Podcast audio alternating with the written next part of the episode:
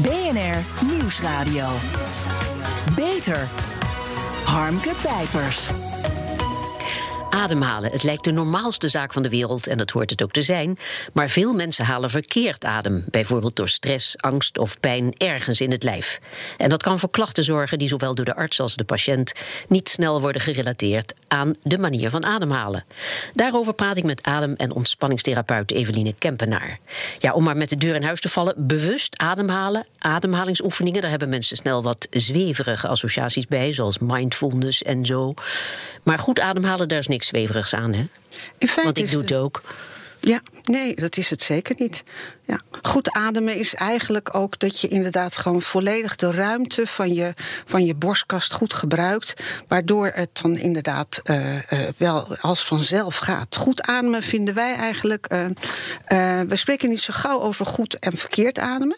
Maar goed ademen is functioneel. Het is een adem die gewoon makkelijk gaat, die als vanzelf gaat, die moeiteloos is en je niet stoort. Ja, ja, want meteen nadat je zei van goed functioneren van de borstkas, dacht ik meteen: oh god, hè? Hoe doe ik dat dan? Want we ademen zonder erbij na te denken, dat lijkt me ook de bedoeling. Maar zodra je erover gaat praten, dan word je alweer bewust van een en ander. Dan is die vanzelfsprekendheid eraf. Hè? Eigenlijk kun je er dus misschien maar beter niet te veel over nadenken. In feite hoort de adem ook onbewust te gaan. Ja? Ja. En moet je die niet te veel sturen. En dat zie je eigenlijk bij heel veel cliënten. Dat ze toch proberen om die adem te controleren. Omdat ze daar klachten voelen. En juist als je er bewust aan gaat sturen. dan ga je eigenlijk dat adempatroon steeds meer verstoren. Ja? Dus wij willen eigenlijk dat. Hmm. ja, dat het zijn allemaal mensen die zich al bewust zijn van het een en ander, want die hebben dus klachten. Ja, je hebt een kip-ei-verhaal, dat klopt ja. Ja. Want inderdaad, door de klachten word je meer bewust van de adem. En dan ga je erover nadenken. Ja. En dan weten mensen niet meer hoe ze moeten ademen. Ja? Terwijl ik wel zeg, we worden geboren. En er wordt niet één moeder gaat een kind vertellen hoe het goed moet ademen. Nee, ik krijg een tik op de billen en daarmee Ja, uit. en dan is Ja. het klaar. En dan op, in de loop van ons leven, dan doen wij allerlei gewoontes aanleren. Mhm. Waardoor inderdaad ons adempatroon meer gespannen wordt. En dan ga je klachten voelen. Wat voor gewoontes, wat moet ik dan aan denken? Eh, eh, gespannenheid, te gestrakt staan, je schouders te veel gespannen hebben, Ah, ja. eh, te hoog ademen. Ja, het, het gaat om de ontspanning ook, hè? Wij noemen het ook adem- en ontspanningstherapie. In feite, Oh, ja. als je meer ontspannen bent, zal je adem vanzelf rustig worden. Mhm. En als je eigenlijk je adem rustig hebt, zal je ook merken dat je je meer ontspannen voelt. Ja. Je kunt die dingen eigenlijk niet los van elkaar halen. Nee, ik heb me er nooit zo in verdiend. Maar eh, vandaar misschien een stomme vraag. Gebruiken mensen echt al hun ademcapaciteit? Of is dat vooral niet de bedoeling? Je, je moet reserves hebben, hè, natuurlijk. Nou, het is natuurlijk ook een verschil tussen als je natuurlijk eh, een sporter bent en je doet fysieke inspanning en je Ja. loopt weer alle trappen omhoog, dan heb je al je vitale capaciteit nodig. Maar meestal hebben wij, en dat is ook wanneer mensen klachten ervaren, is juist in rust. En in rust heb jij niet je hele capaciteit nodig. Ja, ja. Ja? Wat, wat, wat ervaren ze dan bijvoorbeeld? Wat moet ik me daarbij voorstellen? Nou, ze zitten op de bank en ze voelen toch dat ze eh, eh, eh, druk op de borst hebben. Dat ze hun hartkloppingen hebben. Dat ze merken dat ze onrust hebben. Dat ze gejaagd zijn. Ja, dat lijkt me ook helemaal niet prettig. Nee, en juist Dan ga je naar de dokter wat roept die dan? Nou, die gaat dan. eh, dat is natuurlijk een beetje afhankelijk van jouw leeftijd vaak. En soms stuurt een dokter ook wel door eerst naar de cardioloog. Van laat dat eerst eens even checken. Ja. En ik eh, kom heel veel cliënten tegen die zijn inderdaad in het ziekenhuis geweest. door de cardioloog cardiaal onderzocht. En dan zegt de cardioloog: er is niets aan de hand. U ademt gewoon verkeerd. Oh ja. En, en daarmee uit. En daarmee uit, ja. Ja. Ja. ja. Want dit is een nieuwe tak van sport, zeg maar, in de In medische... feite is ademen zo oud als ik weet niet wat. Dat kan toch geen nieuwe tak van sport zijn? Ja, Ja. nou ja, de behandeling, zal ik maar zeggen. Nou, is ook niet, maar ik denk wel dat, dat, eh, dat het vaak een vergeten gebied is. En Ja. dat het zo vanzelfsprekend is, het ademen. En dat we heel erg aan het zoeken zijn naar wat er dan mis is. En er is in feite bij mijn cliëntengroep niet iets mis in uw lichaam. Er is niet stuk. Nee, de enige keer dat ik er ooit eh, bewust mee bezig was... eh, toen ik nog eh, fluit speelde. Oh ja, ja, ja. En zangers die moeten Ja. natuurlijk ook heel erg Ja. bewust ermee zijn. Maar goed, tijdens de coronacrisis, dat is weer een ander hoofdstuk... kregen heel veel mensen longklachten, hè, dat weten we. Mhm. En daarmee ademhalingsproblemen. Over de mensen die het virus hebben gehad... horen we dat ze veel last blijven houden van benauwdheid. Ja, welk, wat voor gevolgen heeft dat voor hun ademhaling? Heeft u al dergelijke patiënten onder behandeling?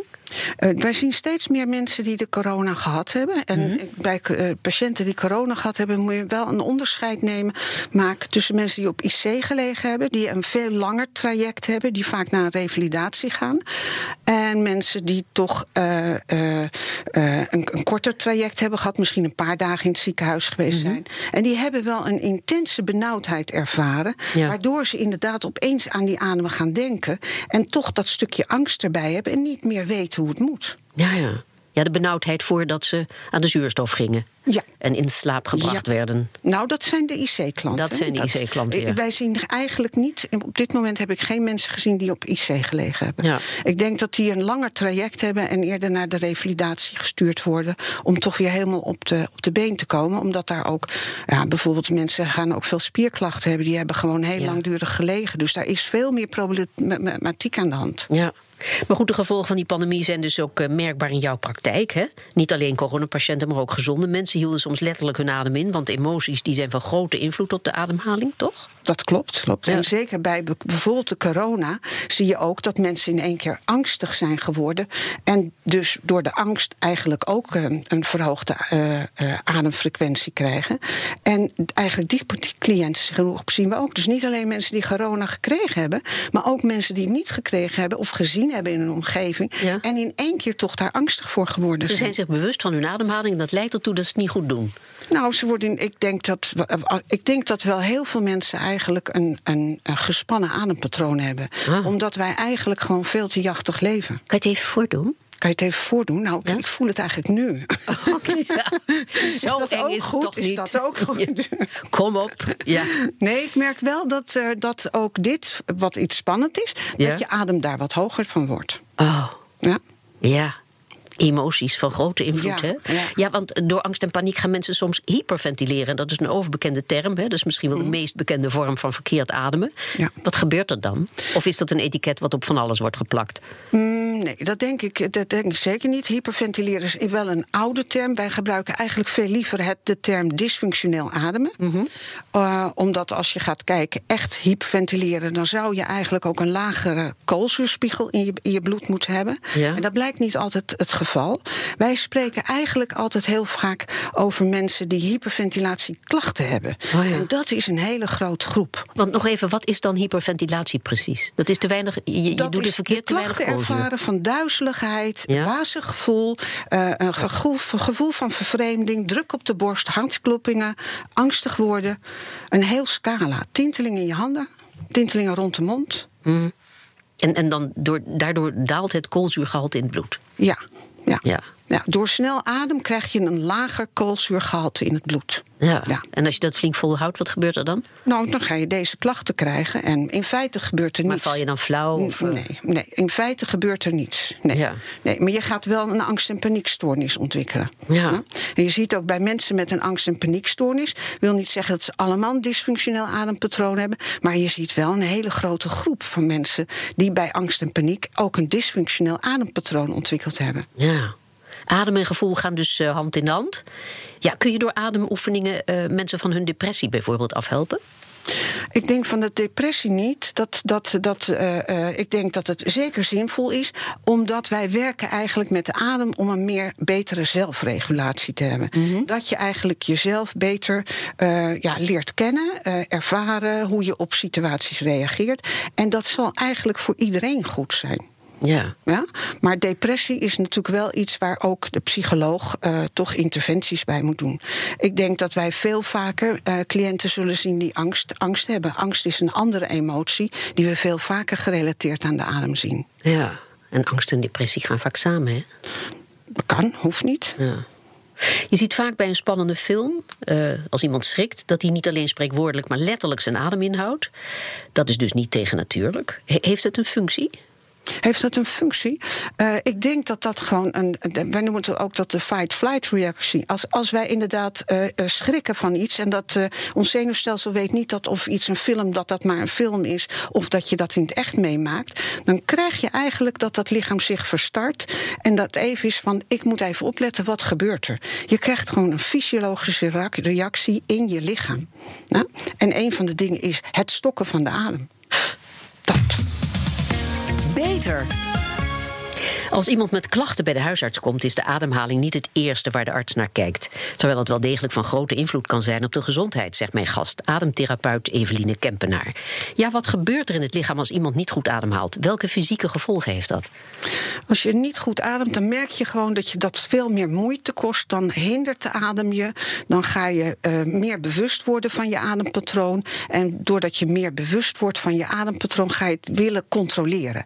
En ademen hoort eigenlijk vanzelf te gaan. Ja. Dus hoe meer je dat controleert, of dat je erover gaat denken: ik moet door mijn neus en ik moet dit en ik moet dat. Ja, wij ademen 20.000 keer per, per dag. Ja, daar kun je niet over nadenken. Het hm. hoort vanzelf te gaan. En het hoort gewoon zich aan te passen aan de situatie. Ja, maar, maar het kan ook andersom, hè, dat iemand verkeerd gaat ademhalen doordat hij bijvoorbeeld pijn heeft bij het ademhalen. Welke fysieke klachten kunnen aan de basis van een verkeerde ademhaling liggen? Waar moeten we aan denken? Ja, als, als natuurlijk ademen, wij zien ademen ook als een beweging van het hele, hele lichaam. Mhm. ja, en eigenlijk de longen zitten in onze borstkas. En de borstkas hoort optimaal te bewegen. Maar de borstkas wordt gevormd door de ribben. En de ribben zitten aan de rug. Ja. Dus iemand die heel langdurig pijnlijke rug heeft gehad, of nek-schouders, of heel lang gewoon zit typen en een, een, vaste houding, ja, die zal merken dat dat hele gebied stugger wordt. Mhm. En wanneer dat stugger wordt, zul je ook merken dat je adem minder diep gaat worden. En dan ga je erover nadenken: het moet in mijn buik, ik voel geen beweging meer in mijn buik. En dan ga je duwen naar de buik. En zo ontstaan eigenlijk vicieuze cirkels. Ja, weten mensen met deze klachten de weg naar jullie te vinden? Via de huisarts bijvoorbeeld? Zijn de huisartsen zich voldoende bewust van deze ehm, klachten? ik, heb, uh, in, ik werk zelf in, in Hillegom en ik heb daar inderdaad een aantal collega's, uh, uh, huisartsen die goed verwijzen en die echt weten voor adem moet je bij Eveline zijn. Ja. Voor adem moet je bij Evelien zijn. Ja, voor adem moet je bij Evelien zijn. Ja. ja. Er zijn er meerdere therapieën die, die gericht zijn op het verbeteren van de ademhaling. Jij werkt volgens de ademtherapie van Dixhoorn, heb ik begrepen. Wie was dat, Dixhoorn? Of, of, bestaat hij nog, Dixhoorn? Ja, ja, ja, ja, Jan van Dixhoorn zeker. Jan van Dixhoorn is de grondlegger van, van eigenlijk deze methode. Mhm. En is een, een arts, is het, eh, in het Kennemer Gasthuis in Haarlem uh, jaar gewerkt. Hij is nu uh, gepensioneerd. En die heeft eigenlijk ja, een breed kader van, van achtergrond, maar onder andere bijvoorbeeld de Feldenkrais-methode. De wat? De, Feldenkrais-methode. Ja. En de Feldenkrais-methode is een methode die voor optimaal en moeiteloos bewegen gaat. En dat heeft hij eigenlijk vertaald naar de adembeweging. Ja? En heeft daar bepaalde instructies die wij gebruiken, oefeningetjes die wij gebruiken, bewustwordingsoefeningetjes die we gebruiken. En die heeft hij uit die methode en meer vertaald naar het stukje ademen. Ja, ja. Maar je hebt ook nog de methode Balvoort, Middendorf, nou. Buteyko. Ehm, zijn er wezenlijke verschillen in die therapieën? Nou, of Bram Balvoort heeft samen met Jan van Dixhoorn zijn eerste boek geschreven. Bram Balvoort was een, een, een, een, een zangpedagoog. En zangpedagogen werken ook heel veel met het middenrif. Die hebben samen een boekje geschreven van Ademen wij vanzelf. Ja? Dus die zitten wel in het verlengde van elkaar. Uh, en die hebben elkaar geprobeerd kruisbestuiven. tussen zangdingen uh, uh, en dan inderdaad de Feldenkrais-methode. Ja. Hm? Zeg, en, en hoe lang duurt het voordat mensen met een dysfunctionele ademhaling uh, van hun klachten af zijn? Nou, wij hebben eigenlijk wel een, uh, de, de, de visie dat we zeggen: bij iedere cliënt is anders. Dus iedere uh, aanpak is ook anders. En waar wij eigenlijk naar zoeken, is dat er.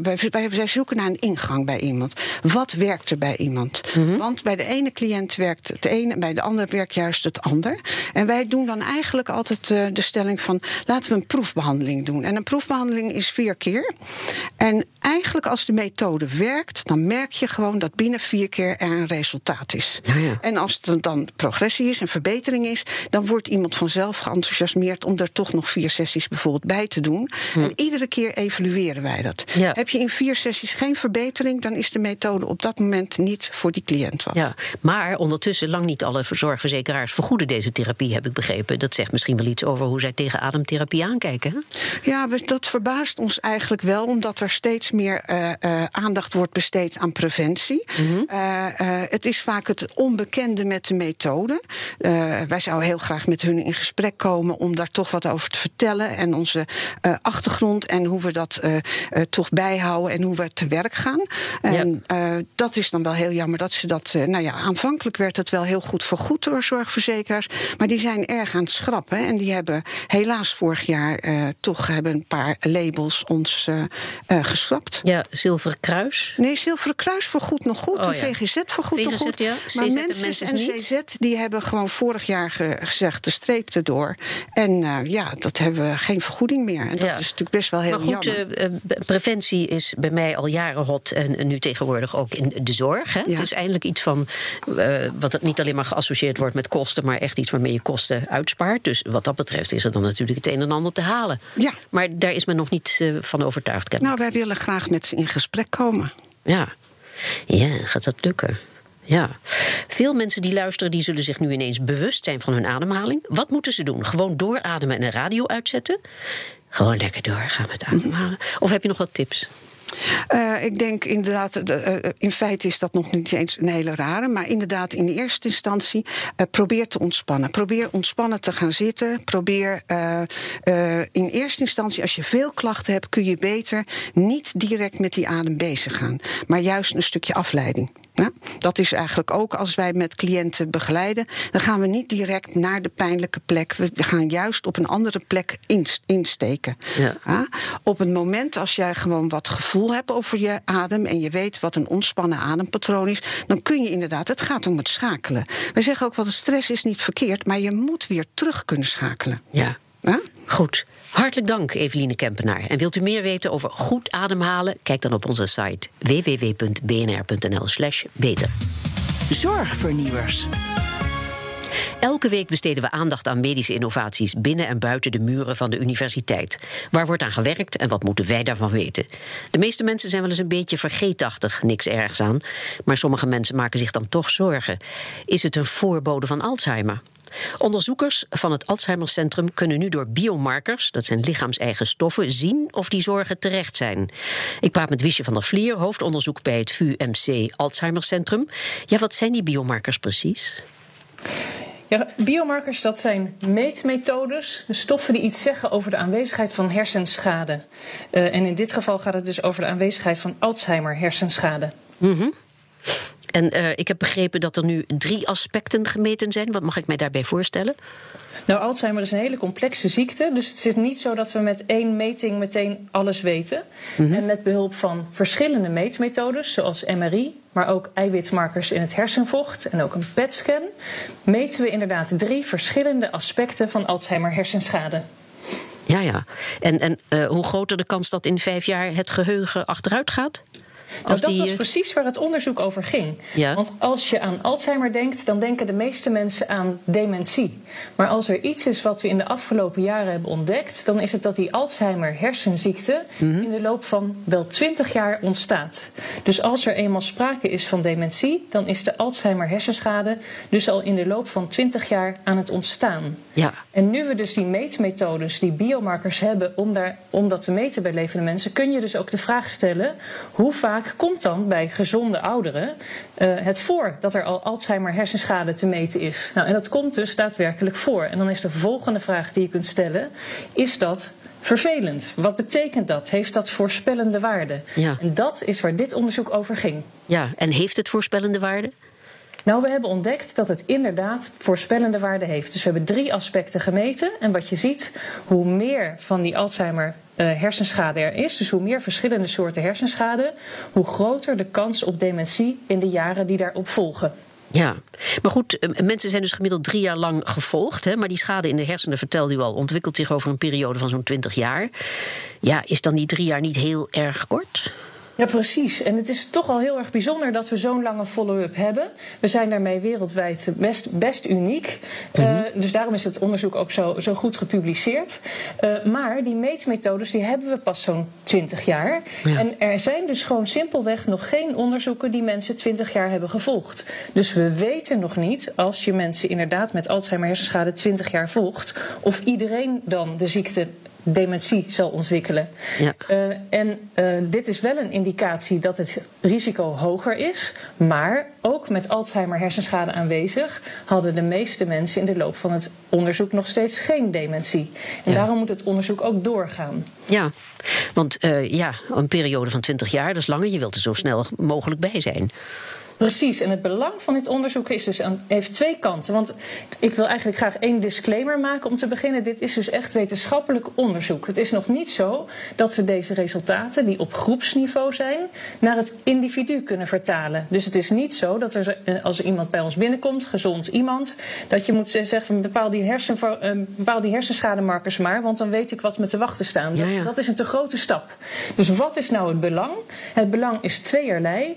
Eén, we, kunnen, we denken dus als die ziekte zo vroeg ontstaat, dan zal daar ook de sleutel zitten om hem te stoppen. Mhm. En we willen dus van deze mensen leren hoe ontstaat die ziekte, zodat we op termijn kunnen ontdekken hoe kunnen we dat dan stoppen. Ja. En het andere aspect wat we ook hiervan leren is ja, hoe meer we weten, hoe meer mensen toch ook zullen zeggen wat betekent dat dan voor mij? En juist die vertaalslag naar dat individu, daarvoor is het nu nog te vroeg. Maar we zien wel dat ons wetenschappelijk onderzoek de komende tijd zich erop moet richten. Hoe gaan we dit wel vertalen naar een individu? Wat kunnen we vertellen? Hoe leg je dat uit? En wat betekent het voor één persoon? Tja. Daar zijn we dus ook hard mee bezig. Hm. Maar goed, eh, stel ik zou me zorgen maken, dan zou ik dus nu meteen naar de dokter gaan om zo'n onderzoek te vragen. Maar dat is nadrukkelijk niet de bedoeling, hè?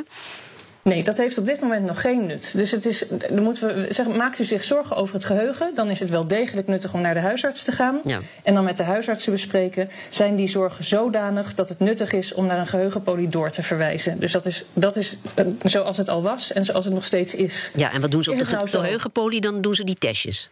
Daar doen ze verschillende testen. Soms, Ja. eh, dat kan een beetje verschillen bij geheugenpolie, maar daar kunnen ze die testen doen. Ja. Is het nou zo dat u denkt van nou, ik wil het eigenlijk wel weten. Hoe zouden mijn hersenmarkers eigenlijk zijn? Nou, dat is echt niet nuttig en ook niet mogelijk op dit moment. Nee. Want we hebben het hier echt over wetenschappelijk onderzoek. Ja. Is er enige voorspelling te doen over wanneer dat wel mogelijk is, wanneer dat zinvol gaat worden? Nee, maar daar zijn we dus wel echt op dit moment mee Ja. bezig. En ik voorzie dat dat in de komende jaren wel gaat gebeuren. Wanneer komt dat in een stroomversnelling? Zodra we medicijnen krijgen die werken. En dat geldt niet alleen voor medicijnen, maar ook voor als we steeds meer weten van hoe kun je met leefstijlinterventies, dus met een betere leefstijl, ook nog iets vertragen. Ja. Eh, en hoe meer we dat, daarvan weten, zeker als die medicijnen komen die ingrijpen op de hersenschade, hoe nuttiger het zal zijn om te weten: heb ik dan die hersenschade, zodat ik er wat aan kan doen? Ja, Nou, ik ga dus niet vragen. Dat, Ja? u wou niet vragen wanneer dat is, dat vind ik heel Nou, fijn. ik wou net zeggen dat ik dat niet ga vragen, want dat het altijd de Dat vraag ik is. Zeker. Dat Maar- ik zeer. maar En toch dat- denk ik dat we dichterbij komen. Dat wou ik net zeggen, maar we zijn flink onderweg. Hè, wat zijn we het Ja. eens? Ja. We zijn het eens. Goed, hartelijk dank, Wiesje van der Vlier. En succes met dit eh, nuttige onderzoek. Tot zover deze uitzending van BNR Beter. Op bnr.nl slash beter is deze uitzending terug te luisteren of on demand via de BNR-app, Spotify en op Twitter onder BNR Beter. Heeft u tips voor ons? Laat het ons weten. Ik ben Harmke Pijpers. Graag tot een volgend spreekuur.